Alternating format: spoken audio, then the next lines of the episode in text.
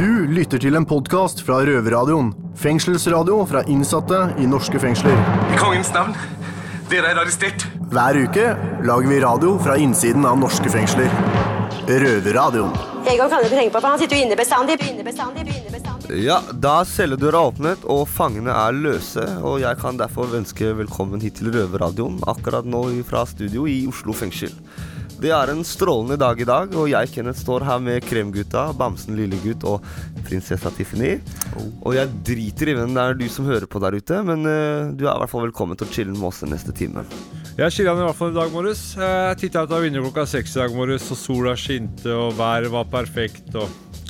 Så jeg sto opp og våkna og laga håndpressa juice til gutta på avdelingen. Så det levert på sengekanten, eller hva, Daniel? Ja, det var veldig hyggelig. Først så kom jo frøken Kenneth og leverte meg en sånn sur kaffe. Og den Sur, nå må du Ja, den var sur. Den var surere Å, enn meg på morgenen. Så den tømte jeg rett i vasken, eller dassen, som vi kaller det her. Og da fikk jeg litt eh, ferskpresset juice av Torgeir. Det var mye hyggeligere. Perfekt. Så da ble jeg nesten i litt godt humør. Det er greit ikke sett pris på mine gjerninger, du. Men i dag så blir det en eh, sending litt utenom det vanlige. Og vi skal bli litt bedre kjent med deg, lille gutt. Gleder meg. Og skal jeg være helt ærlig, så må jeg innrømme at jeg fikk litt tårer i øynene Og når jeg hørte denne historien her. Jeg syns det var en veldig tøff historie. Og du er en sterk person, og jeg bøyer meg i fengselsstøvet. Og det her var jo noe du spilte inn med Mina for en liten stund siden, så det er ikke helt nytt for deg, men det blir sikkert tøft å høre det igjen. Veldig. Røverradioen er jo ikke bare fra Botsen. Vi skal opp til et eh, lite hønsehus, hvor jeg vet at du ikke hadde likt deg, lille gutt. Nemlig kvinnefengselet Bredtvet, og høre hva damene har å si. Jo, vi har tatt en prat med den kongelige anleggsgartneren Tone, som skal fortelle oss om hvorfor det er bra for innsatte å lære å lage hage. Ja, det blir jo spennende å høre. Det er jo alltid greit å vite hva man kan gjøre med hagen sin. Selv om jeg vil tørre på at det er kanskje ikke så mange her som har eh, tilgang til egen hage. Men det er mange som bor ute, da, så de kan jo pynte litt opp i den parken de eventuelt camper litt i. Og Ja. Røverradioen. I studio i dag har vi besøk av en røver som soner her i Oslo fengsel. Lillegutt er 1,90 høy, veier 115 kilo, er like hårete som en bjørn og sitter her og gliser. Velkommen, din sværing. Takk, takk. Går det bra? Ja, det går veldig bra med deg. Jo da, jeg er svær og tjukk, jeg, vet du. Sånn, eh, Hvis jeg føder nå, så du tar den imot. Jeg tar den imot. Ja, ja. Og så, vi traff hverandre da du sona i Sarpsborg fengsel, og du fikk laga litt sånn røverradio og sånn. Gjorde det. Så var det overgangsbolig. Beste tida i livet mitt. Var det det, eller? Mm. Nei, hvorfor det? Nei, jeg veit ikke. Det traff meg veldig, det, altså. Jeg elsker radio, jeg. Vi skal prøve å få deg inn i røverradioen her òg. Du må bare være snill gutt og komme deg til riktig avdeling. Alltid snill. Men du, du var jo på vei ut av fengsel. Fra- Jeg var det. Overgangsbolig, det er sånn Det er porten til utsida. Ja. Hva i helvete gjør du her? Eh, Jeg har vært eh, tatt Jeg møtte en kompis av meg som var under spaning, så jeg overleverte en kilo amfetamin til han. Ja, det var jo Men Det- det er sånn som skjer i en lunsjpause. Det kan skje i en lunsjpause. Men også, hvor mange ganger har du Noen sittet leverer inn leverer smørbrød, og jeg leverer noe annet. Uff a meg. Nei, jeg skal ikke le. Jeg skal ikke le. Jeg må ta det her Dette er veldig seriøst. Dette er seriøst. Men du, lille Jeg sitter på samme dom da, som i Sarpsborg. du gjør det, ja? Ja. Men hvor mange ganger har du sittet inne da? Du, det er sjette dommen min når jeg får det nye nå. Sjette? Ja. Og da, hva er det du får nå, da? Du, jeg kan ende med å Så jeg blir sittende fulltid, da, siden jeg har forbrytet meg på, på overgangsboligen. Så jeg har tre år igjen. Altså, Det går deg rykende fort. Det går rykende fort. Når man ser deg, så tenker man, og du sitter inne, så tenker man kanskje, siden du er så svær og, og, og røslig, tenker man faen, han må jo sitte for slåssing. Mm, det er mange år siden jeg satt for det. Det, ja, for Jeg det begynte ikke en karriere da jeg var 15, satt jeg på Gjøvik. Satt jeg for vold. Og så har jeg sona mye for narkovold og biler og sånn. ja. Og, men nå siste gangen så var det forsikringssvindel, og nå en kilo med amfetamin. Og nå er det slutt, lille gutt. Nå er det helt slutt. Lover du? Ja, det gjør jeg. Jeg kan love deg det. Ja, bra. Ja, og, og alle som hører på. Jeg kan på. prøve av hele mitt hjerte. Jeg har fått meg en ny type, så jeg må jo må jo skjerpe meg. Ja, du har fått det. Gratulerer. Jo, takk. Du, det er jo mye synsing rundt det her med hva som skjer med visse innsatte i fengsel. F.eks. at homofile får bank, men det er vel ikke helt tilfellet hos har aldri møtt eh, Jeg har blitt drapstrua opptil flere ganger. Eh, Forresten, i Halden fengsel så var det noen som skulle ta livet mitt. Eh, Men det skjedde aldri noen ting. Vi satt og spiste ved samme bord hver dag og, og alt det der. Så det var ikke noe mer som skjedde enn det. Det gikk overraskende bra. Det største problemet mitt er faktisk betjenter som reagerer på at jeg er homofil. Åssen er det du merker at de reagerer på det? Eh, de kommer og skal ha fortrolige samtaler på rommet mitt om at jeg må holde dette skjult for innsatte for å trygge min egen sikkerhet. Men du kan sjøl tenke deg, hvis vi blir venner, sitter på samme avdeling et halvt år, og plutselig kommer det fram Det er ikke et veldig godt vennskap. Da kan det fort bli 'hvorfor har ikke du sagt noe'? Eh, Så jeg velger å heller si det etter en Hvis jeg finner ut at jeg har lyst til å ha med et menneske å gjøre, så forteller jeg heller hvem jeg er. Men det er ganske opplagt at jeg er homo. Du ser det på meg. Det er jo ikke sjans i Vet du du er, du er så macho mannemann, liksom. Og sånn, nå skal ikke jeg Altså, selvfølgelig, eh, homofile kommer i alle størrelser og Det gjør de. farger og Men det derre um, Jeg tror dem man ser best, er jo dem som kanskje har litt knekte håndledd og Jeg er ikke stereotyp. Du er virkelig ikke stereotyp, liksom. Men, men kan du fortelle litt om første gangen du kom ut av skapet i fengsel? Oho. Du, det må ha vært på Ringerike fengsel i 2001. Oi. Eh, det var eh, det, kun, det var nok ganske Det var nok litt tøffere enn en nå, for da var jeg ganske ung. Eh, og der satt det mye gærne mennesker. Veldig mye gærne mennesker. Eh, Prins Dobrowski, jeg trente sammen med han. eh, han er veldig, ikke veldig fan av sånne mennesker som meg, da. Eh, I hvert fall ikke med min legning. Men eh, etter hvert de lærte meg å kjenne, så gikk det overraskende bra. Jeg har ikke møtt store problemer blant voksne, voksne tunge kriminelle. Har godtatt dette er veldig greit. Det er ikke sånn at jeg, alle homser prøver seg på gutter, for det er, veldig, det er ikke ofte jeg møter gutter jeg faller for egentlig inne. Altså, det er jo bare Jeg blir så irritert ja, med gutter som er sånn Men da tenker jeg de er homofile sjøl, da. Når de er sånn derre Nei, gud, jeg kan ikke gå Å, han homsen ser på meg. Hva i all verden er du så forbanna innbilsk? Men, men samtidig så skjønner jeg greia. Altså, mora mi er jo lesbisk. Og første gang jeg var med på sånn der lesbetreff med 2500 damer, så var jeg helt sånn derre Å, herregud, jeg orker ikke at noen sjekker meg opp. Og så var det ikke en kjeft som sjekka meg opp. Så trist. Ja, jeg vet hva, jeg ble så drita, så til slutt så gikk jeg rundt til folk og bare Øy, seriøst, syns du ikke jeg er noe pen? Og da sa hun bare til meg at du, det står hetero i panna di, kjerring, skjerp deg, liksom. Og jeg bare Å ja, jeg går og tar meg vodka og hiv, jeg. Så altså, det er jo bare tull. Vi er jo bare tullete mennesker. Og, men vet du om noen andre som skjuler legninga si, som sitter i fengsel? Er det noen som åpner seg litt for deg? Her i Oslo fengsel? Nei, for det er veldig Jeg liker ikke så mye å prate Hvis folk vil si det, så kan de si det. Men det er som du sier, når, når folk ser meg, så Veldig mange kan dømme meg litt på utseendet mitt. Og, og alt der, så jeg tror veldig mange vegrer seg for å si det. Av at de har, nettopp som du sier, kanskje det går historier om før om at folk blir eh, banka eller plaga eller Men eh, jeg tror det bare er å være ærlig med seg sjøl, og ikke være Si det hvis det kommer fram, og ikke være redd for det, liksom. Det er verre hvis du blir venner og sier det etterpå, vil jeg tro. Ja, at man føler seg litt lurt Ja, der. for det hadde jeg blitt litt irritert. Men du, vi skal skravle litt mer, lille gutt. Jeg må bare si at jeg elsker deg for åpenheten din. Du er en deilig, deilig mann. Eh, Jeg tror det her kommer til å hjelpe mange innsatte og utsatte òg. Jeg håper det. Ja. Og så her er en låt fra meg til deg, darling. Her er The Man med Allo Black. Du må høre på teksten nå. Det er bare til deg. Det er egentlig så bør alle andre skru ned lyden og så finne på noe annet. Eh, kanskje litt vanskelig på cella. Dette er en podkast fra Røverradioen. Han er en av de største mannfolka jeg noensinne har sett. Er innsatt her i Oslo fengsel og tidligere programleder i Røverradioen Sarpsborg. Det er jo ikke bare bare å komme seg fra cella til studioet vårt eh, her inne, lille gutt. Hva måtte til? Hvem måtte du smiske med? Du, det var et kjempeproblem. Eh, for eh, en eller annen merkelig grunn så ville de ikke ha meg ned hit. Og det som eh, faktisk eh, var litt verre, det var det at jeg fikk en eh, De ringte på den der callinganlegget på anlegget mitt, og så sier de Vi har uh, fått en uh, mail fra Røverradioen. Ja, sier jeg, det er hyggelig. Da vil jeg gjerne prate med dem. Uh, ja, de skal prate med deg om, om legningen din. Sa de det? Ja. Shit. Så sier jeg ja, det er, det er jo ikke noe problem. Det er jo ikke noe å legge under en stol, det. Så det er jo, det er, hvis det er måten min å komme ned dit på, så gjerne det. Og så gikk det faktisk eh, litt tid fram og tilbake, og i dag så var de på cella mi tre ganger før de tok meg ned hit. For å Ja, de bare kom inn og så på meg, og så gikk de igjen. Altså, du, du, er en, du er en svær mann. Eh, Er de redde for deg? Ja, veldig.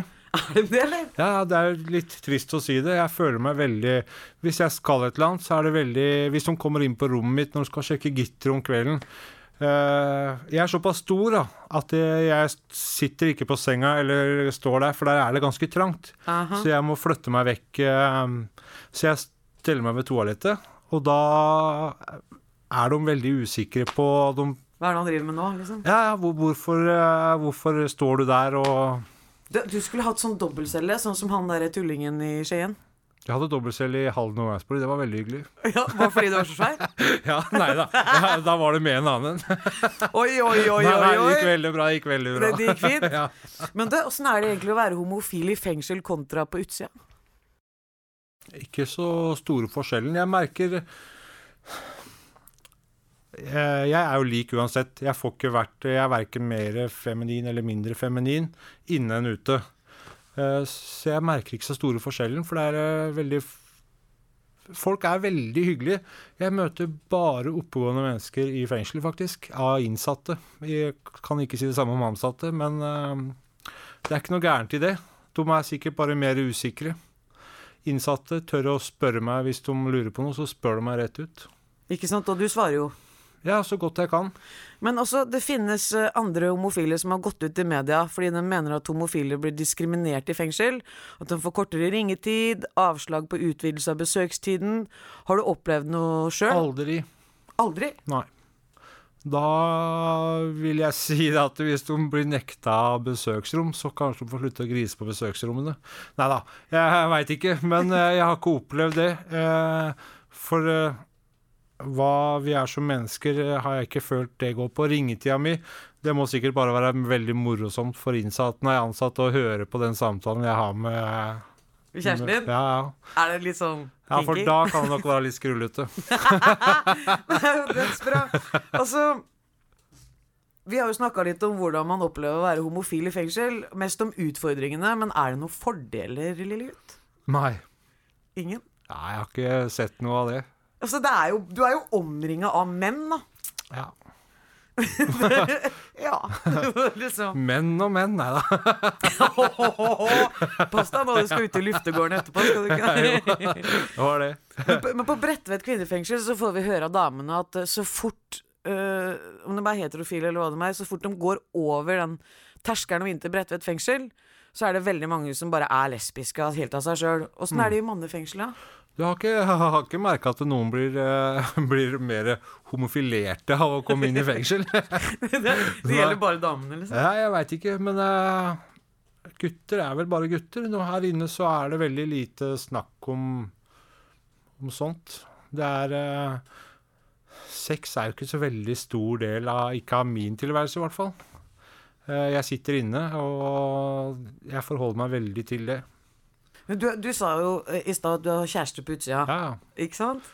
Få høre. Hva, hva slags Fantastisk mann er det du liker? du, ja, det var det, da. Han trener bra, i hvert fall. Er han svær han òg? Ja, forholdsvis. Skulle jo tro at det, liksom, det var litt sånn at siden du er så svær, at du skulle hatt en sånn liten nettsak, liksom. Nei, det er ikke så lett å håndtere meg hvis du er liten og nett. Du knuser Stakkar, du knuser den jo. Så jeg går for en som trener mye og er veldig omsorgsfull person. Åh. Altså, hvis han liksom sitter og hører på nå, er det noe du har lyst til å si til henne, eller? Han veit nok hva jeg mener om henne, så det går nok bra. Ja, ja, det jeg skal bare si til deg Jeg ser jo ansiktet til lillegutt her inne, og han stråler akkurat nå. Ja, Det bare skinner av Jeg kan si det, jeg er utrolig glad i ham. Et av de beste menneskene jeg har møtt i livet mitt. Kult. Ja. Vi skal prate om noe særdeles alvorlig hvert øyeblikk, eh, lille gutt. Eh, Men først eh, må vi lette litt på stemninga. Fra en hårete manneelsker til en annen. Her er George Michael og 'Freedom'.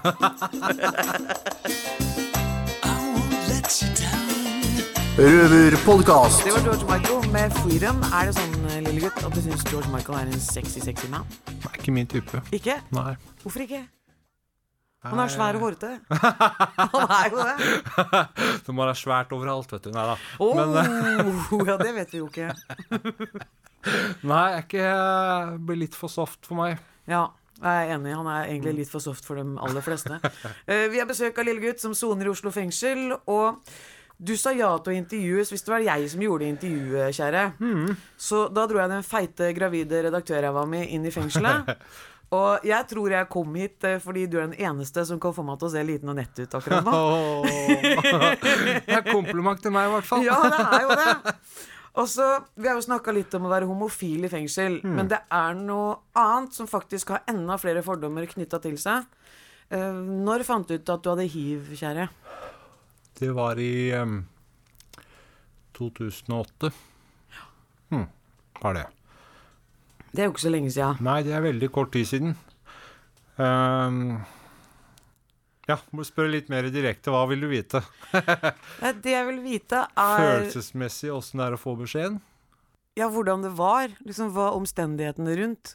For det er jo ikke, man går jo ikke og tar hiv-test bare for å gjøre det, på en måte. Åh, nei. Du, det er veldig gæren historie. Skal du høre. Vi kan ta det nesten ifra begynnelsen av. Ja, ja. Eh, jeg har sittet inne i en lang periode. Var sammen med en fantastisk gutt. Eh, vi var sammen i mange år. Eh, over fem år, faktisk. Siste åtte månedene av fengselsdommen min, så kommer han på besøksrommet og spør om vi kan ha et åpent forhold. Det betyr at du kan ha, ha litt omgang med andre. Oh. Eh, hva skal du si? Du sitter på, sitter innafor murene. Er, jeg har påført han uh, en stor greie av at jeg ikke er til stede. Det er mye som skjer.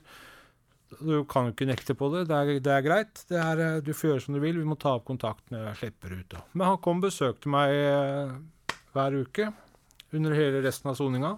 Samme dag som jeg slipper ut, så spør han om vi kan stenge forholdet. Oi, han gjør slutt. Nei, nei, om vi kan ha et lokka forhold. Bare oh, ja. jeg og han. Ok, ja, Mm. ja. Samme dag som jeg slipper ut. Da kan du tenke deg åtte måneder på sju kvadrat. Hver kveld, helger, uker, som du sitter og tenker på kvelden. Hva er det det mennesket driver med? Ikke sant? Det blir, eh, du blir litt såra inni deg, da.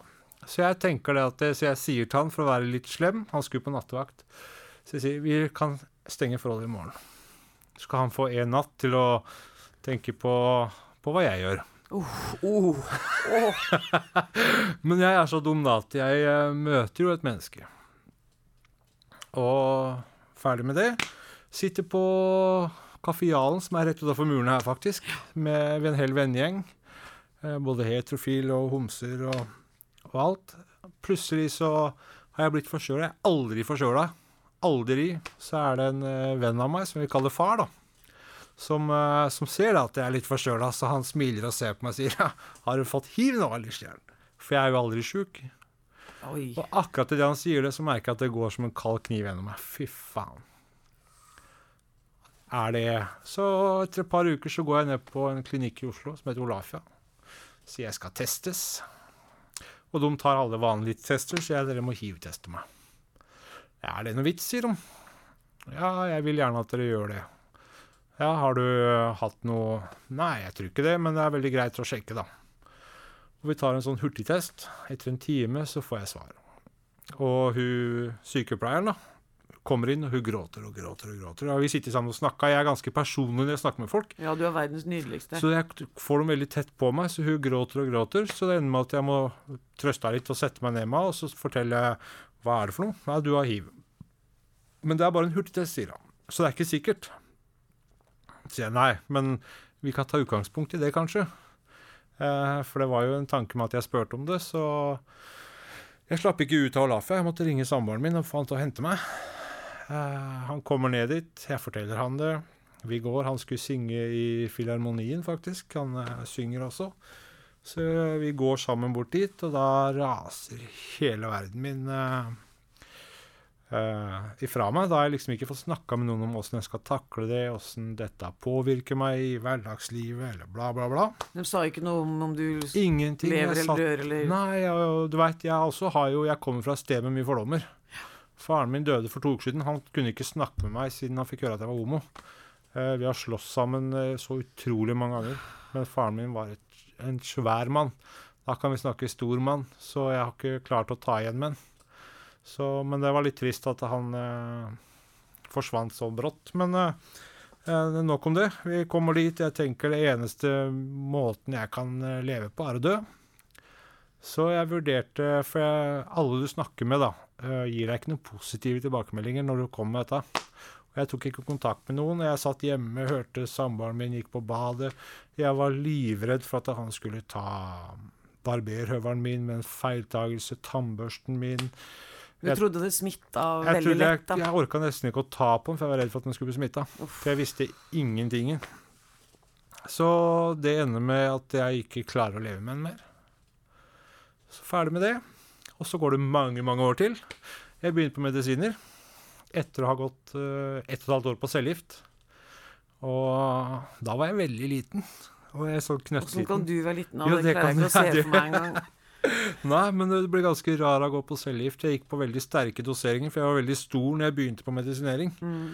Og så de gikk aldri ned på doseringene mine. Så etter ett og et halvt år så, så tok det psyken min.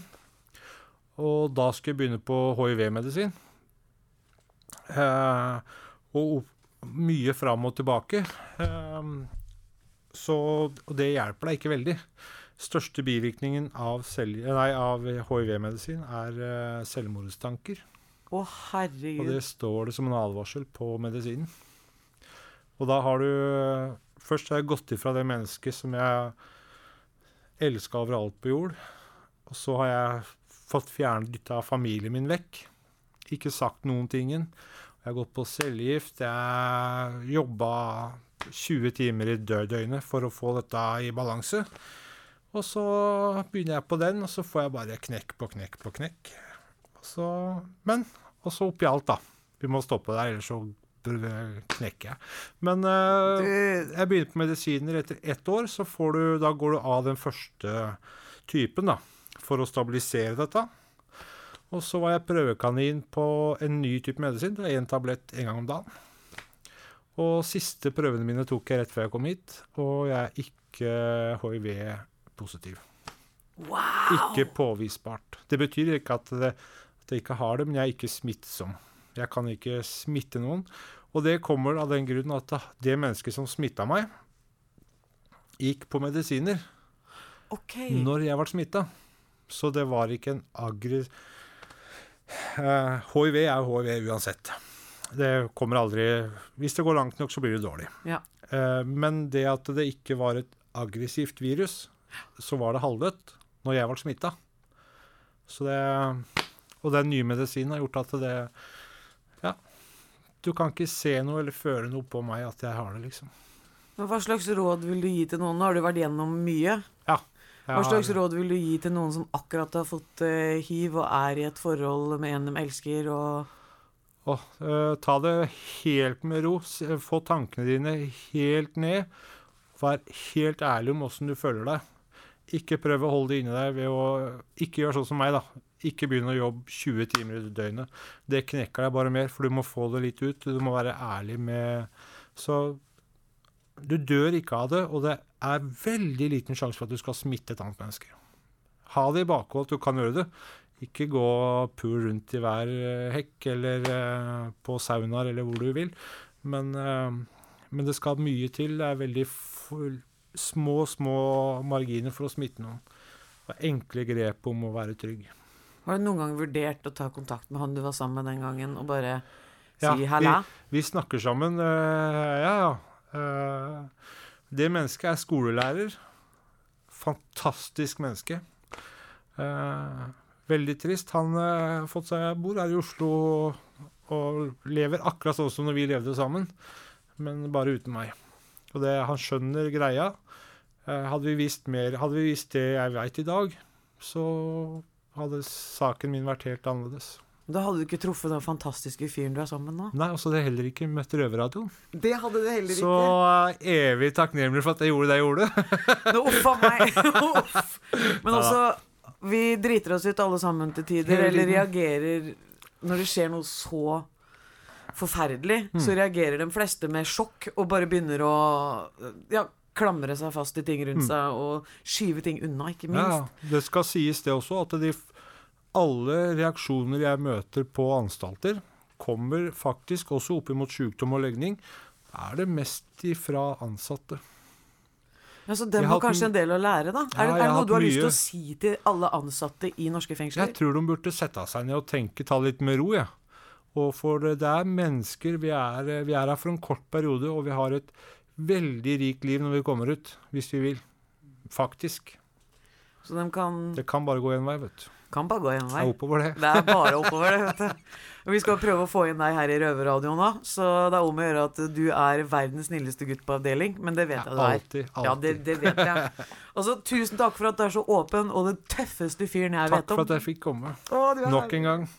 Og så Jeg vil høre én sang. Én sang. Ja, ja vent, vet jeg skal bare tenkte jeg bare skulle si til folk Om du har noen spørsmål til lille gutt, være seg hva han spiser for å være så enorm, hvordan det er å leve som homofil i et machomiljø, eller om viruset hiv, send oss en jailmail. Det er postkasser på biblioteket og på Sete og nå, lille gutt, hva vil du høre? Sepultura. Sepultura! Nei, ikke Er det gammeldags, eller? Nei, det er helt rått. Det det, har vi ikke spilt nok av. Nei, jeg hører aldri det. Og da er det en låt som heter Arise. Er det den Stemmer, stemmer, stemmer. Tusen takk for at du kom, kjære. Tusen takk for at jeg fikk være her. Åh. Du lytter til en podkast fra Røverradioen. Fengselsradio fra innsatte i norske fengsler.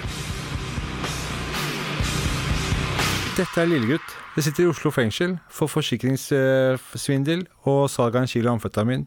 Jeg skal sone i tre år. Hvis du ikke hører på Røverradioen, så kommer jeg hjem i dusjen din og gir deg en bamseklem. Takk til vår redaktør Mina Hadshan, som har tatt seg en prat med Lillegutt. Nå setter vi over til vår reporter på utsiden, Chris. Røverradioen tok en prat med Eirik Engebretsen fra LLH, Landsforeningen for lesbiske, homofile, bifile og transpersoner, om hvordan de jobber for homofiles rettigheter i fengsel. Får dere mange henvendelser? Vi har ikke fått veldig mange i mitt år her nå. Vi vet at f.eks. LDO, altså Likestilling- og diskrimineringsombudet, de er nå veldig interessert i eh, dette temaet. Mennesker som bryter med normer for kjønn og seksualitet, som er i fengsel. Nå skal vi jo snakke med kriminalomsorgen i slutten av mai om eh, dette feltet. Altså da mennesker eh, som bryter med normene for kjønn og seksualitet, eh, som, er innsatt, eh, som er innsatte. Fordi at det er klart at hvis tanken bak hele Rosa kompetanse er jo at de som jobber med det her, ikke sant? om det så er lærere i skolen, sykepleiere eh, på sykehuset eller eh, de fengselsansatte i fengselet, jo tryggere de er på temaet, jo bedre de er til å vite hvem de kan anbefale folk å kontakte, jo lettere er det jo. ikke sant? Og så vil ordet spre seg forhåpentligvis, og så vil vi få flere saker. Så gjennom da Rosa kompetanse inn mot kriminalomsorgen, så har vi veldig trua på at eh, det kan bli bedre, at vi kan få flere saker. For vi vil jo det, vi har jo nok å gjøre, men vi vil jo at folk skal komme til oss med problemer som er knyttet til at de blir f.eks. trakassert eller diskriminert fordi de er den de er. Du nevnte i stad at dere har fått en henvendelse fra en innsatt. Eh, har dere klart å hjelpe hva, hvilken, altså du nevnte i stad Ja. et brev. Foreløpig så har vi da eh, eh, Vedkommende fikk til et møte. eh, som vi nå sitter og venter på svar. Hvordan gikk det på møtet? Og så Hvis da møtet ikke for har gått noen som helst vei, så må vi ta en prat internt her om ikke dette er en sak hvor vi da skal sende et sånt brev. Så kan du si at eh, det er ikke sikkert at det brevet fører til noe. Eh, men, men det er noe med det at det første steget i hvert fall vil kunne være for en innsatt å få vite at eh, man er ikke alene her. Ikke sant? Det er en organisasjon som kan dette her, som tar meg på alvor, og som er villig til å si 'hei, hei, hva har skjedd?' eh, til fengselet. da. Men, men foreløpig, eh, om vi har hjulpet annet enn å snakke sammen og, og, og, og på en måte drodle rundt temaet, det har vi ikke gjort ennå, fordi vi avventer da hvordan det gikk i det konkrete møtet. Men hvordan ble han diskriminert? Den konkrete saken gikk på at man følte at eh, besøkslistene ikke ble respektert på samme måte fordi at partner var samkjønnet. Altså samme kjønn. Ok, Så at vedkommende ble nekta besøk? Nekta besøk eh, av da en som man ser på som sin signifikante andre. Og da ble man nekta det. Eh, mente, mener da denne innsatte. Og det har med å gjøre eh, sin legning og det faktum at det er likekjønnet eh, forhold, mener den innsatte. Hvordan kan eh, innsatte komme i kontakt med dere? Ja, Sentralbordet vårt har telefonnummer 2310 3939. Røverradioen.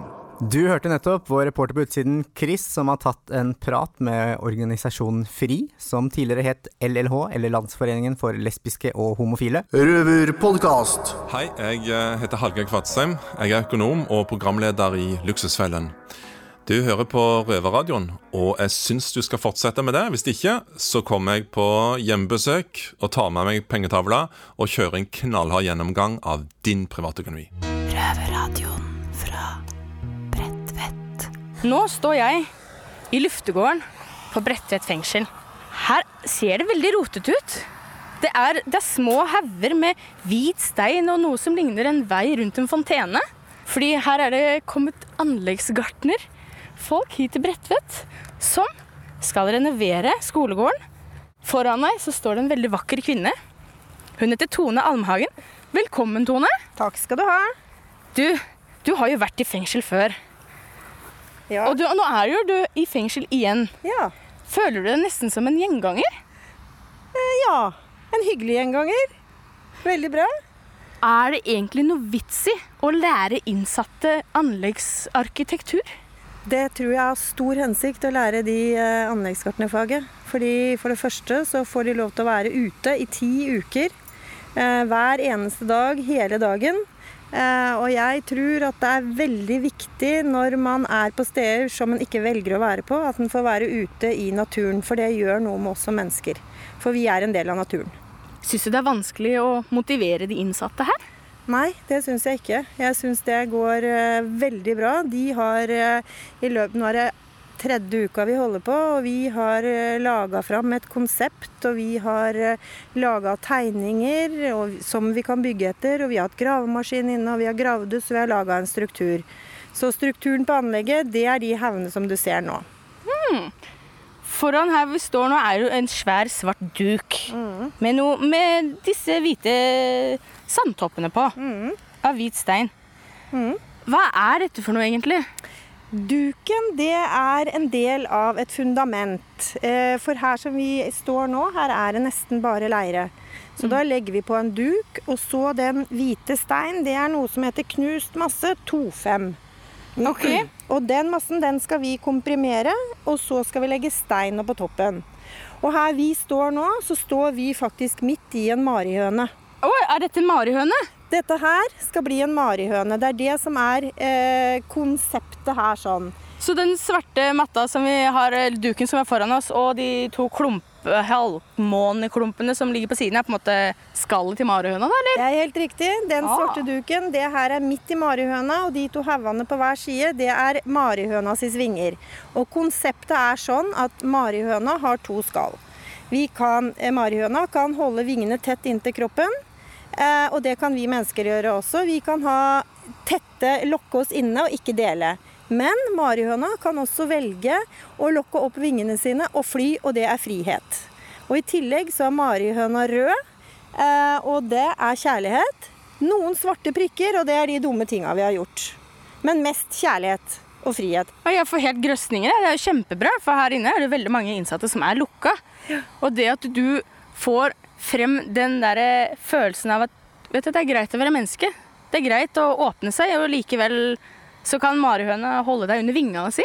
Men det er ikke jeg som fant på det. Det var ei av de som er med på kurset, som i en idémyldring så kom vi fram til at det var marihøne vi ville bygge, og at det, det var symbolikken i det. Vi skulle ha et, en symbolikk, for det er det eh, landskapsarkitekten gjør på utsida av fengselet. Når de tegner et anlegg, så har de en mening med anlegget. Og vi har også laga en mening med dette anlegget. Der hørte vi røverreporter Miss Guinepeig, Pig, som har pratet med den kongelige anleggskartneren Tone Almhagen. Hva er det du driver med, gutt? Nei, eh, nei, ikke noe. Jeg syns bare det er en jævla fin bil. Du driver vel ikke og prøver å stjele bilen min? Nei, nei, nei, nei, bare sjekka at den var låst. Arrester en mann! Han er gal! Og en fare for den offentlige sikkerhet!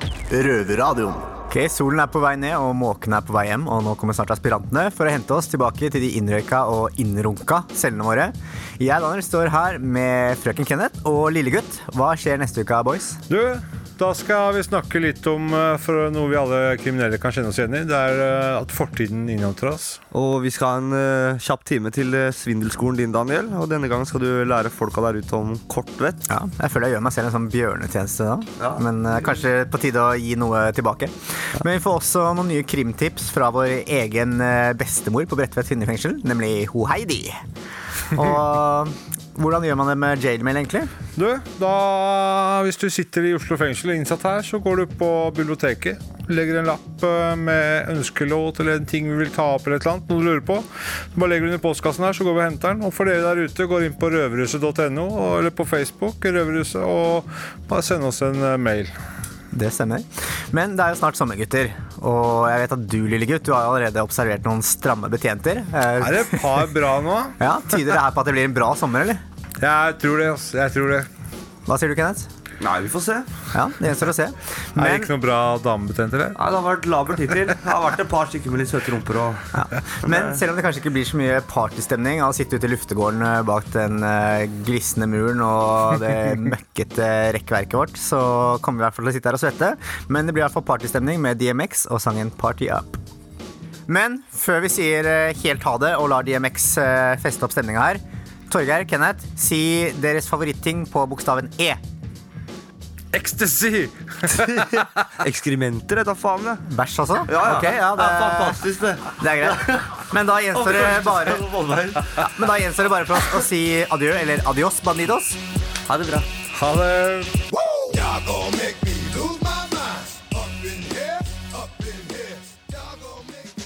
Du har akkurat hørt en podkast fra Røverradioen. Du hører oss hver fredag klokken 18.00 på Radio Nova eller onsdag klokken 18.00 på Kanal 247. Og alltid på røverhuset.no.